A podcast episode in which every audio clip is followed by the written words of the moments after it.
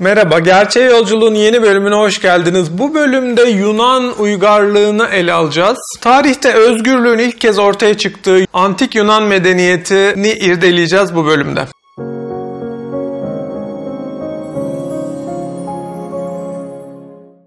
Yunan dünyasına kadar daha önce Çin, Hindistan dünyalarının hiç değişmediğini, değişmeden kaldığını ve tarih yaratamadığını gördük. Tarih olamadıklarını ve tarih yazamadıklarını gördük.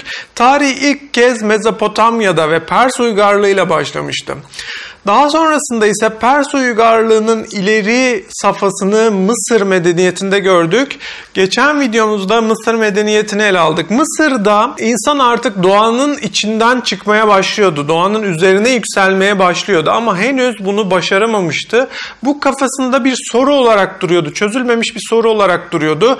Tıpkı Sphinx'in vücudunun hayvan, yüzünün insan olması gibi. İnsan henüz doğanın içinde saklıydı. Daha henüz yüzünü göstermişti ama doğanın üzerine henüz çıkamamıştı. Antik Yunan'da artık insan merkezcilikle birlikte insanın doğadan özgürleşmeye başladığını göreceğiz. İnsan güzelliği bu özgürlüğü sergilemenin bir aracı olacak Yunan'da. Artık insan vücudu, insan vücudunun güzelliği ve bunun heykellere yansıması Yunanlarda o özgürleşen ruhun bir göstergesini bize sunacak. Bu Yunanlarda mitolojide kendisini ifade ediyor. Mitolojide Titanlarla Zeus'un soyunun savaşını göreceğiz. Burada Zeus'un soyu insanın doğadan kurtulmasını, insanın doğadan özgürleşmesini temsil edecek insan şeklinde tanrılar karşımıza çıkacak. Bunlar artık doğanın üzerinde bir insan kişiliğini ifade edecektir bize. Yine doğal nesneler vardır. Yine doğa sergilenmektedir Yunan tanrılarında ama artık bütünsel bir kütle olarak doğadan bahsetmiyoruz. Artık tekilleşmeleri üzerinde doğayı kullanan insan ruhlu tanrılar karşımıza çıkmaya başlıyor. Titan Titanlar dediğimiz o Yunan öncesi tarihte insanın üstünlüğünü kabul etmeyen, insanın özgürlüğünü kabul etmeyen ve doğal özellikleri ile ön plana çıkan tanrılar Uranüs gibi, Gaia gibi yani dünya toprak gibi, Gaia gibi, Selena gibi yani ayı temsil eden Selena ya da güneşi temsil eden Helios ya da zamanı temsil eden Kronos gibi Titanlar, Zeus'un soyunun öncesi tanrılar doğanın egemenliğinin tanrılarıdır. Ve burada Prometheus ateşi çalarak, ateşi getirip insanlara vererek, Titanlardan ateşi çalıp insanlara vererek insanın özgürleşmesinin ateşini yakan ve bunu Titanlardan, doğa tanrılarından çalan tanrısal figürdür. Yunan dünyasında artık doğal nesneler gene vardır ama insanın üzerinde egemen değildirler. İnsanın süsü olarak, insan vücudunun, insan bedeninin bir süsü olarak artık doğal nesneler ön plana çıkmaktadır. Yine Titanlardan medeniyetin alınması gibi Yunan uygarlığı da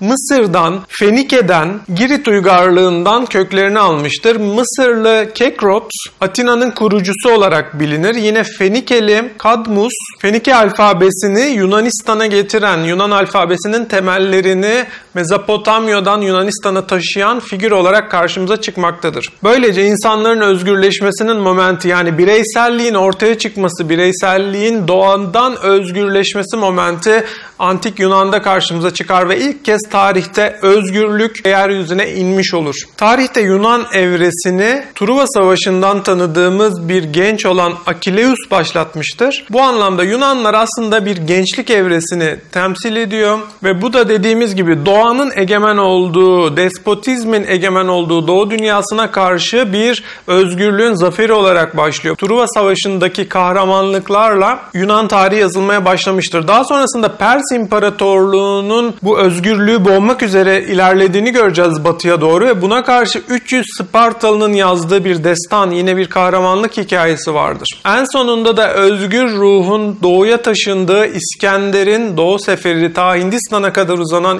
İskender'in Doğu Seferiyle Yunan tarihi devam etmiştir. Yunan kıtasında deniz ilkesi egemendir ve ticaret ilkesi egemendir ama bunun ilk başlangıcı korsanlık olarak başlamıştır. Korsanlığın bastırılması ve ticaretin güvenli bir şekilde yapılmasını ilk kez Girit adasındaki Minos uygarlığında görürüz. Minos uygarlığının bir deprem sonucu oluşan tsunami ile medeniyeti ortadan kaldıracak bir felaketle karşılaştığını biliyoruz bugün. Bu da kayıp şehir Atlantis efsanesi olarak insanlığın hafızasında yer etmiştir. Minos uygarlığının çöküşüyle birlikte Yunan ana karasına sıçramıştır Yunan tarihi. Yunan medeniyetinde insanlık ilk kez demokratik bir yönetimle de karşılaşmış ve demokrasi ilk kez ortaya çıkmıştır. Ancak bu tamamlanmış bir demokrasi değildir. Tıpkı Yunan tarihinin insanlığın olgunluğa geçiş aşaması olması gibi Yunan demokrasisi de bir geçiş demokrasidir. Daha demokrasinin ilk kez ortaya çıkışıdır ve tam bir özgürlük içermez. Çünkü Yunan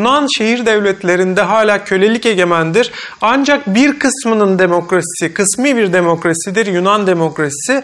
Köleler, çocuklar, kadınlar bu demokrasinin bir parçası olamazlar. Tıpkı Roma'da olduğu gibi. Yine bu demokrasi bir kraliyet biçimindedir. Henüz monarşi ya da gelişmiş batı toplumlarındaki ortaya çıkan başkanlık sisteminin bir parodisi, bir giriş aşamasıdır krallık. Yine de doğudaki despotizmden daha üst bir aşamayı ifade etmektedir. Ve burada halk tıpkı Yunan trajedilerinde ve Yunan komedilerinde olduğu gibi orada hatırlarsınız bir koro vardır. Yani bir kahramanın yaşadıkları vardır ki bu Yunan kralıdır oradaki kahramanlar. Onların yaşadıkları vardır ve onlara sufle veren, onların yaşadıklarını ifade eden ya da onların yaşadıklarını tamamlayan bir koro vardır. O koro hep bir ağızdan hep beraberce bir şeyler söyler. Tıpkı Yunan demokrasisinde de böyledir. Kralların ve kral soyunun bir tarih yaşayışı, tarih yazışı vardır ve halk burada bir koro olarak pasif bir görev içermektedir. Henüz halkın demokrasiye aktif bir katılımını Yunan uygarlığında da göremeyeceğiz. Yine olimpiyat oyunları Yunan toplumunda çıkmıştır.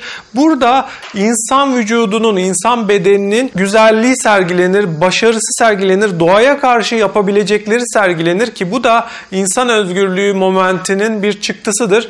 Artık Yunan toplumunda ticaretle zenginleşen insanlık kendine oyunlar oynama hakkı verebilmektedir ve bu oyunlarda da insan vücudunun becerileri ve güzelliği sergilenecektir. Bu da özgürlüğün, insan özgürlüğünün bir aşamasını temsil etmektedir. Ancak antik Yunan toplumu insan gelişiminin sadece bir evresini ifade ediyor dedik. Bu Truva Savaşı ile başlayan bir geçici, bozulmaya çok müsait bir ittifak olarak Yunan toplumu doğdu. Daha sonrasında batıdaki bu özgür uyanışı kendi çirkin ve şekilsiz tanrılarına bir tehdit sayan Pers İmparatorluğu'nun despotun altında birleşmiş bir halkın Yunan topraklarının istilaya yürüdüğünü gördüğümüz zaman bile Yunan birlikteliği çok güçlü değildir. Burada Sparta, Atina ayrılıkları vardır. Hatta 300 Spartalı, o koca Pers ordusunu durduran 300 Spartalı'nın yalnız bırakıldığını, onlara desteğe gidilmediğini görüyoruz. En sonunda da Peloponnes savaşları, Met savaşları ile birlikte artık Yunan birliğinin çatırdadığını ve çözüldüğünü göreceğiz. Yani artık bu ilk özgürleşme, ilk çocuksu özgürleşmeye, ilk gençliğe giriş evresinin sonu Yunan iç savaşlarının artışıyla gelecek ve Yunan çöküşünün son noktası kendi başlarına bireysel olarak Yunan şehir devletlerinin yaşayamadığını göreceğiz ve Makedon kralı İskender'le birlikte Yunan şehir devletleri kendi başlarına var olamayacaklar. Büyük bir krallığa dönüşecekler, doğuyu fethedecekler ve Yunan evresinin sonunu getirecekler. Artık bundan sonra şehir devletlerinin bireysel olarak var olduğu değil, bir imparatorluk olarak var olduğu evreye geçiyoruz. İskender'le Makedonya ile birlikte sonrasında da bu Roma Cumhuriyeti ile gelişimini sürdürecek. Yani Yunan toplumlarında özgürlüğün, özgür bireyselliğin, bireyin özgürlüğünün ilk kez ortaya çıktığını görüyoruz ama bu henüz şekilci bir özgürlüktür. İnsan vücudunda ve insan güzelliğinde ve heykel sanatında kendisini ifade eden mitolojik tanrılarla kendisini hayal dünyasında ifade eden bir bireyselliğin özgürleşmesi momentidir. Eskisi gibi artık doğanın her şeyi yuttuğu değil, insanın doğanın üzerine çıkmasının bir momentidir.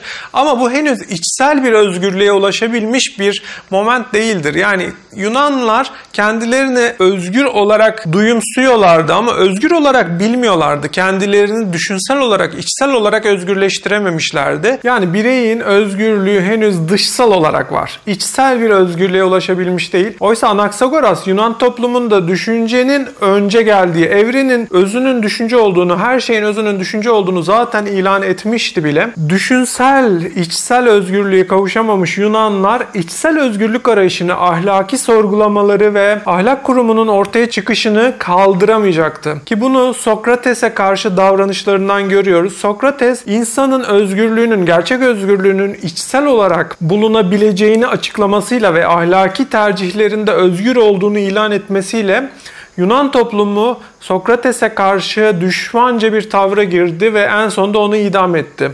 Bu idam aslında Yunan toplumundaki çözülüşün, çöküşün bir göstergesi niteliğindedir. Yunan kent devletleri arasında iç savaş, ekonomik gerileme ve felsefi çatırdama Yunan toplumunun artık sonunun geldiğini bize gösterecektir. İskender son bir atılımla Yunan kent devletlerini bir araya toplayacak, Doğu karşısındaki zaferini ilan edecek ve Yunan şehir devletlerinin de ölümünü ilan edecektir. Bundan sonraki aşama artık Roma aşamasıdır. Sadece Yunan şehir devletlerinin değil, bütün dünyanın Roma egemenliği altında uzun bir süre boyunca birleştiğini göreceğiz. Bunu Roma İmparatorluğu videosunda bir sonraki videomuzda ele alacağız. Bu arada siz de aşağıda linkini vermiş olduğum felsefe ansiklopedisi şeması üzerinden ele aldığımız kavramların yerlerini ve birbirleriyle ilişkilerini inceleyebilirsiniz. Unutmayın bu şema bizi gerçeğe ulaştırabilecek yegane yoldur. Videolarımı beğendiyseniz felsefenin daha fazla insana ulaşabilmesi için onları sosyal medyanızda paylaşarak bana destek olabilirsiniz.